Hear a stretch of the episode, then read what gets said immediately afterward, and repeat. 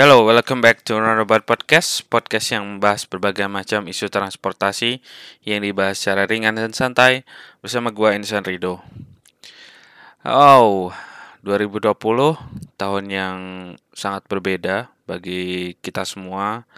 Uh, Punya banyak dampak tentunya bagi uh, dunia kita termasuk transportasi. Dan di episode kali ini, di episode terakhir uh, Roundabout Podcast di tahun 2020, gue akan coba membahas beberapa isu ya. Uh, mungkin ada isu utama yang pengen gue bawa dan beberapa isu penting lainnya yang sekiranya mungkin terjadi di 2020 dan uh, punya potensi besar untuk mengubah banyak uh, dunia transportasi baik itu di dunia maupun di Indonesia.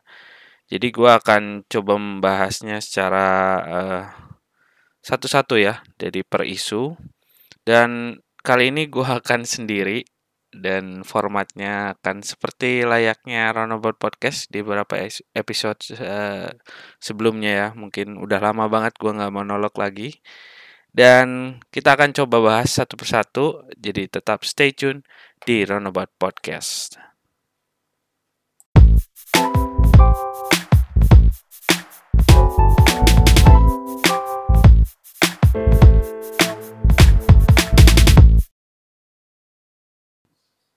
Ya, uh, kembali lagi di Nanobird Podcast. Uh, jadi apa yang pengen gue bahas hari ini tuh ada beberapa hal ya, isu utamanya dan juga ada beberapa isu penting yang gue pengen coba diskusikan di sini. Uh, untuk isu utamanya, uh, gue pengen coba membahas bahwa mobilitas itu sebuah uh, hal yang sangat penting, terutama di uh, kondisi pandemi saat ini Eh, kita tahu bahwa banyak uh, kebijakan atau peraturan yang ada dan diberlakukan selama kondisi pandemi ini sangat erat kaitannya dengan mobilitas, termasuk misalnya lockdown atau pembatasan wilayah itu biasanya melibatkan pembatasan mobilitas juga gitu. Dan kita tahu bahwa uh, mungkin beberapa teman-teman yang mendengarkan podcast ini di episode lalu uh, mendengarkan juga bahwa ada ada Google Mobility Index yang memang dikeluarkan secara berkala yang memperlihatkan bahwa tren mobilitas kita eh, jika dibandingkan tahun-tahun sebelumnya tentunya itu sangat menurun ya dibandingkan eh, eh, tahun-tahun sebelumnya gitu. Dan terutama di sektor-sektor yang mungkin terdampak besar seperti e, perkantoran dan beberapa sektor lainnya itu sangat terdampak. Jadi uh, yang sering kita coba apa ya, yang kita mungkin tidak sadari gitu, bahwa mobilitas itu menjadi kunci penting bagi seorang manusia yang memang pada dasarnya sosial dan harus berjumpa dengan orang lain. Uh, dan mobilitas itu menjadi enablers jadi alat yang bisa membantu manusia untuk melakukan tujuan tersebut. Jadi saat mobilitas itu dibatasi, uh, uh, manusia itu memang pasti mengalami shock, baik itu secara mentally, mentally atau secara physically juga. Jadi ya uh, mau tidak mau kita harus adaptasi untuk menghadapi kondisi pandemi ini yang memang tidak mudah bagi semua gitu. Dan yang bisa terlihat juga adalah mobilitas ini itu eh, apa ya? Tidak tidak semata-mata hanya eh, dapat menghalangi kita untuk dapat terkena imbas dari COVID-19 gitu. Misalnya tentunya eh, tanpa kita bisa ke kantor, tanpa kita bisa ke sekolah atau ke tempat-tempat lain, kita itu kita cukup mereduksi resiko-resiko yang tinggi untuk bisa terpapar dan lain-lain sehingga mobilitas itu menjadi uh, poin penting juga agar kita tidak terpapar oleh uh, wabah COVID-19 ini. Jadi uh, itu yang selama ini mungkin tidak terpikirkan ya bahwa uh, pandemi ini akan mengubah banyak uh, pola mobilitas dari kita dan mungkin juga akan mengubah banyak uh, apa ya kebiasaan-kebiasaan kita dalam memobilitas gitu ya. Termasuk yang sering kita rasakan adalah banyaknya uh, moda-moda yang mulai tumbuh saat mobilitas ini dibatasi ya. Seperti sepeda, terus juga eh, kendaraan-kendaraan yang memang non motorized transport tadi itu sekarang menurut saya cukup berkembang pesat dan uh, nanti kita coba bahas secara lebih lanjut soal sepeda tapi uh, secara umum yang itu. Jadi mobilitas itu punya dampak penting terhadap pandemi ini. Jadi memang kita semua perlu melihat secara lebih dalam mobilitas ini ke depannya gitu. Termasuk uh, bagaimana dampaknya terhadap ekonomi lalu juga uh, sosial juga dan ya again mau reiterate bahwa ya mobilitas itu sebuah kunci dari uh, ekonomi, kesehatan dan lain-lain di saat pandemi ini terutama. Jadi itu yang harus dipegang kita semua dan itu menjadi isu utama di mungkin di 2020 ya.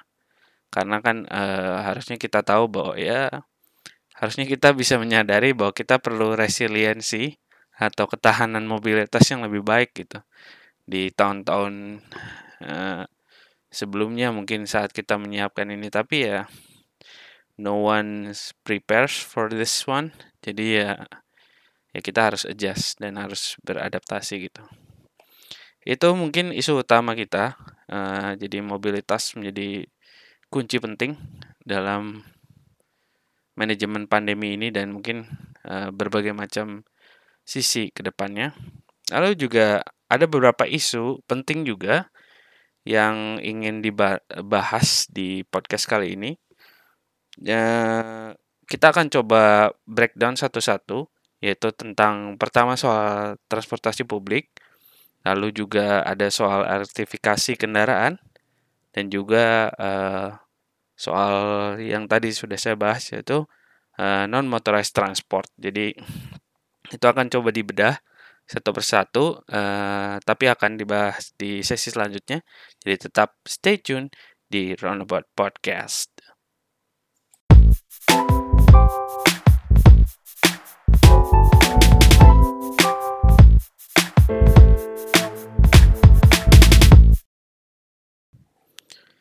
Welcome back to Roundabout Podcast. Uh, setelah tadi membahas isu utama terkait mobilitas, jadi sekarang kita akan coba bahas uh, berapa isu penting yang mungkin muncul saat 2020 yang sebenarnya sangat terkait dengan uh, isu utama tadi ya soal mobilitas uh, yang tadi sempat dibahas yaitu transportasi publik.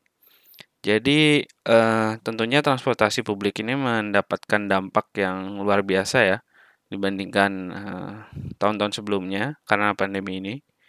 Uh, banyak uh, penurunan uh, dari penumpang dan juga pembatasan jarak untuk penumpang, penyesuaian lagi apa ya stasiun atau pemberhentian dengan mungkin penyediaan cuci tangan lalu juga petugas yang standby mungkin lebih disesuaikan Nah, ini yang membuat banyak uh, kegoncangan ya terhadap sistem transportasi publik terutama di Indonesia ini gitu. Dan seperti yang kita tahu bahwa uh, banyak orang ber berapa ya bergantung pada transportasi publik gitu. Uh, apalagi saat pandemi ini yang memang cukup menguras banyak uh, apa ya tenaga, pikiran dan biaya juga bagi sebagian besar orang gitu.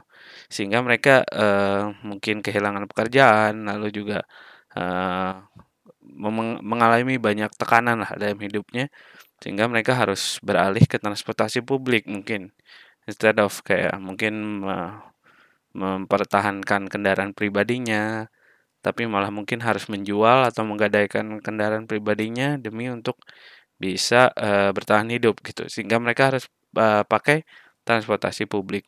Nah, ini yang mungkin selama ini kita tidak siapkan bahwa tentu tetap harus ada uh, ketahanan transportasi publik terhadap bencana termasuk pandemi ini.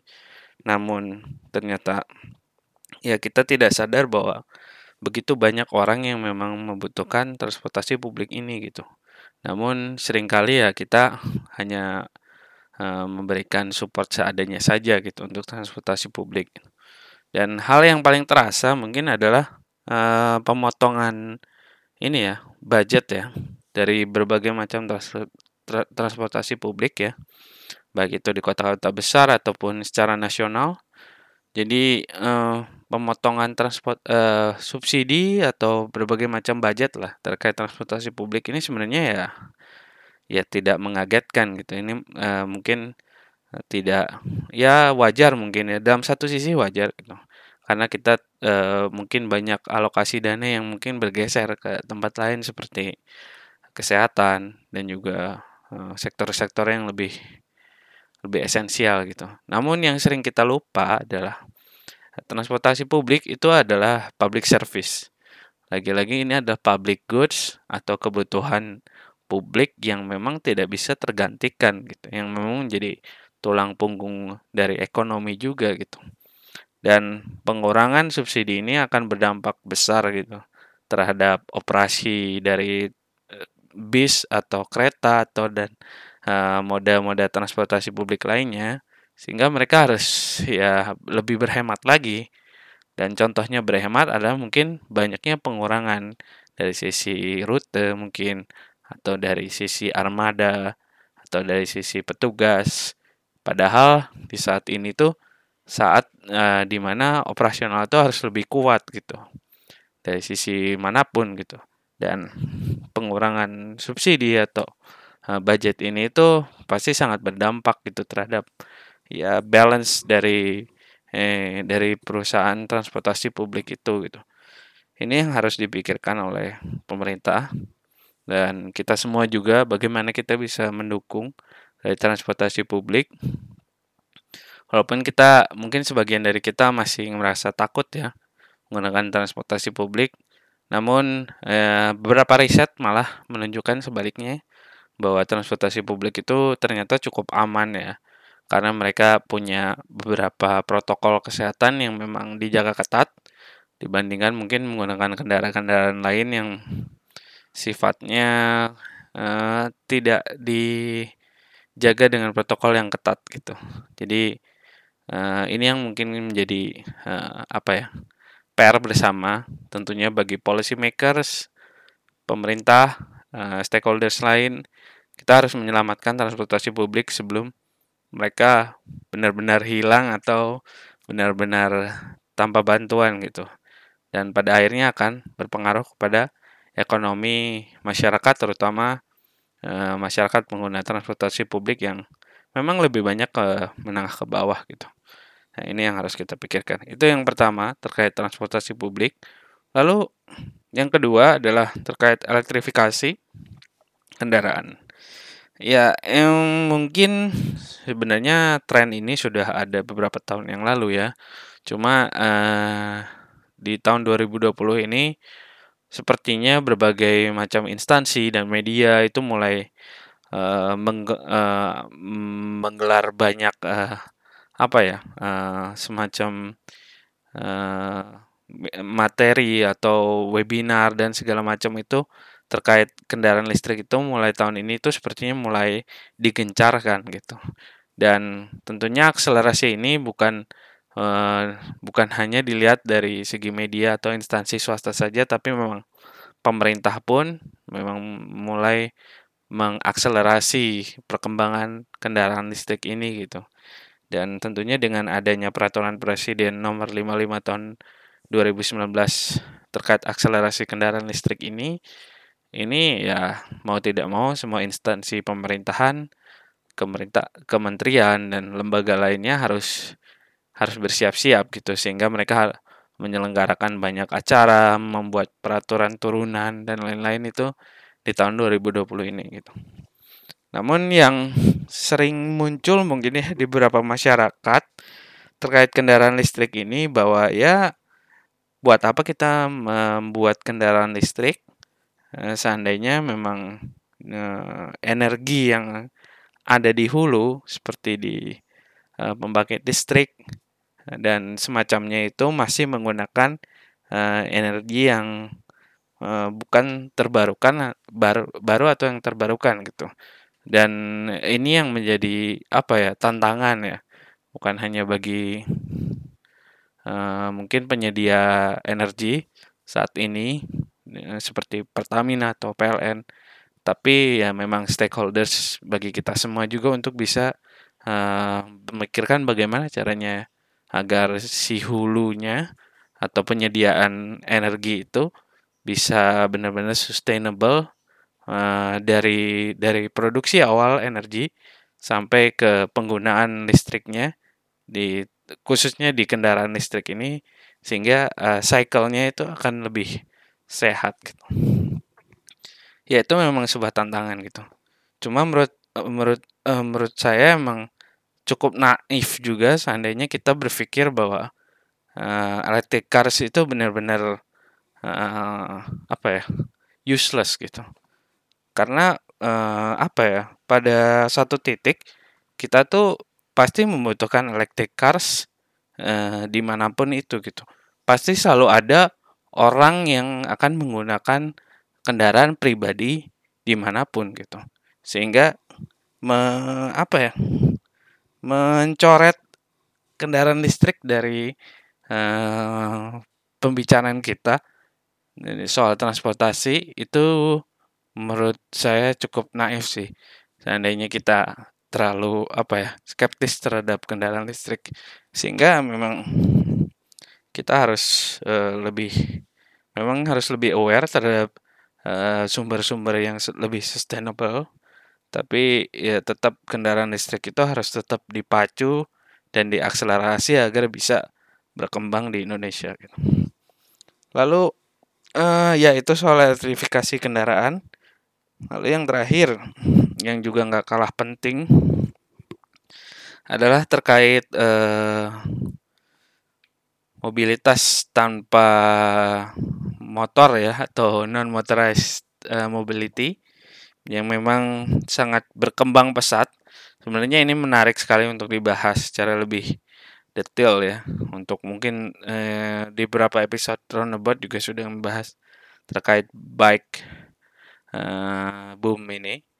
Jadi um, yang perlu kita waspadai bersama adalah kita harus fokus terhadap mobilitasnya uh, dibandingkan tren semata saja karena uh, sepeda ini sudah ada sejak lama sejak uh, ratusan tahun yang lalu dan baru muncul lagi setelah kita diingatkan oleh pandemi ini gitu. Padahal mungkin sepeda ini harusnya menjadi suatu budaya yang mengikat bagi sebagian besar kota-kota di Indonesia gitu. Dan harusnya kita harus tetap bertahan untuk menggunakan ini sampai kapan pun gitu walaupun pandemi ini sudah mereda. Tapi yang dikhawatirkan eh, baik ini baik tren ini hanya sekedar tren saja seperti eh, kebanyakan tren-tren yang selewat saja gitu. Dan ini yang harus kita dorong gitu dari sisi pemerintah dan juga stakeholders lainnya bahwa ya kita harus fokus ke mobilitasnya gitu. Daripada kita harus mendorong berbagai macam uh, hanya gimmick-gimmick saja yang ada mungkin ada jalur sepeda yang ya sekedar dikasih kon saja tapi seminggu kemudian dilepas itu sepertinya memang tidak jangka panjang gitu. Sehingga kita harus berpikir bahwa uh, sepeda ini ada se sebagai bentuk mobilitas dari manusianya juga gitu jadi kita harus mendorong terhadap perubahan infrastruktur yang ada seperti jalur sepeda yang permanen, lalu juga parkir-parkir sepeda yang memang lebih aman, lebih nyaman, lalu juga misalnya eh, kamar mandi bagi pesepeda yang memang eh, kantoran gitu ya atau di tempat-tempat khusus itu perlu disediakan juga dan berbagai macam lainnya gitu. Nah, ini yang harus difokuskan gitu.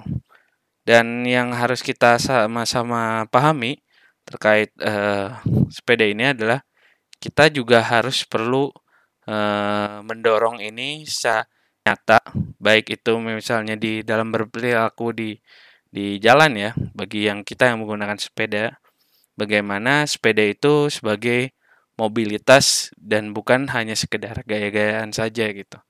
Dan ini yang harus kita pikirkan bersama bagaimana membentuk komunitas yang selama ini mungkin ada seperti Back to Work, itu tentunya sangat baik sekali. Dan juga komunitas-komunitas sepeda yang memang fokusnya lagi-lagi ke mobilitas gitu. Dan bukan hanya gimmick-gimmick saja yang mungkin hanya memikirkan tren saja atau hanya pada satu jenis atau brand sepeda saja, tapi lebih ke bagaimana kita bisa bermobilitas. Mungkin nanti ada bike to school, program yang bisa atau komunitas yang bisa mewadahi itu gitu. Atau uh, bike to tour yang semacam tour tapi menggunakan bike itu tentunya sangat menarik ya programnya. Seandainya memang ada gitu.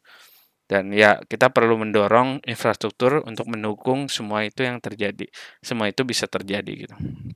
Jadi ya itu beberapa isu yang memang mungkin muncul di 2020 mungkin isu yang cukup menarik cuma mungkin tidak akan dibahas terlalu dalam. Ada terkait uh, pengurangan emisi uh, di 2020 yang cukup signifikan akibat uh, berkurangnya mobilitas. Tapi ini tentunya turunan dari uh, isu utama kita yaitu mobilitas yang memang mengalami penurunan yang cukup signifikan gitu. Kita mungkin sering melihat beberapa kota besar di Indonesia kita uh, cukup bisa melihat mm, langit-langit biru mungkin beberapa hari uh, di 2020 mungkin itu merupakan merupakan pemandangan yang cukup jarang kita jumpai di tahun-tahun sebelumnya tapi ternyata di 2020 kita bisa melihat itu gitu. Itu mungkin salah satu apa ya silver silver lining lining dari 2020 yang patut kita syukuri gitu. Namun tentunya begitu pandemi ini mereda dan orang-orang pun mulai bermobilitas secara normal kembali, bukan tidak mungkin uh, emisi itu akan meroket kembali bahkan lebih tinggi dibandingkan tahun tahun-tahun sebelumnya gitu. Jadi ini yang perlu kita waspadai bersama bahwa kita lebih mindful terhadap mobilitas kita, bagaimana itu tuh memiliki dampak yang besar terhadap lingkungan dan emisi, sehingga uh, mungkin kita bisa contoh uh, contoh sederhananya mungkin bisa berpikir bahwa mobilitas kita itu tidak perlu menggunakan sepeda motor atau motor uh, atau mobil dalam setiap mobilitas kita gitu, tapi bisa menggunakan moda-moda lain seperti jalan kaki atau uh, menggunakan sepeda saat emang jaraknya tidak terlalu jauh gitu misalnya. Itu yang mungkin isu tambahan terkait lingkungan dan emisi uh, ya mungkin akan dibahas di episode-episode berikutnya di Roundabout Podcast. Jadi mungkin sekian dari eh, dari saya di Roundabout Podcast kali ini dan terima kasih yang sudah mendengarkan Roundabout Podcast di tahun 2020. Uh, punya banyak sekali tamu-tamu yang sangat hebat selama 2020 dan uh, tentunya ini menjadi pembelajaran bagi saya pribadi dan juga uh, bagi yang mendengarkan selama ini. Semoga bisa ngasih manfaat di 2020 jadi mungkin ya harapannya sih 2021 akan lebih produktif. Tapi ya tentunya harapan itu harus ditunjang juga dengan hal-hal uh, yang memang real akan terjadi jadi sebenarnya no promises, tapi uh, harapannya semoga uh, podcast ini bisa jauh lebih baik dan lebih produktif di tahun 2021 dan mendatang. Jadi once again, thank you for listening to this podcast uh, in 2020. Dan saya harapkan teman-teman dalam keadaan sehat selalu dan tetap bisa semangat dalam menjalani hari-hari selama sisa 2020 dan juga 2021. Jadi thank you uh, for your support and see you in 2021. Thank you and have a nice day. Bye.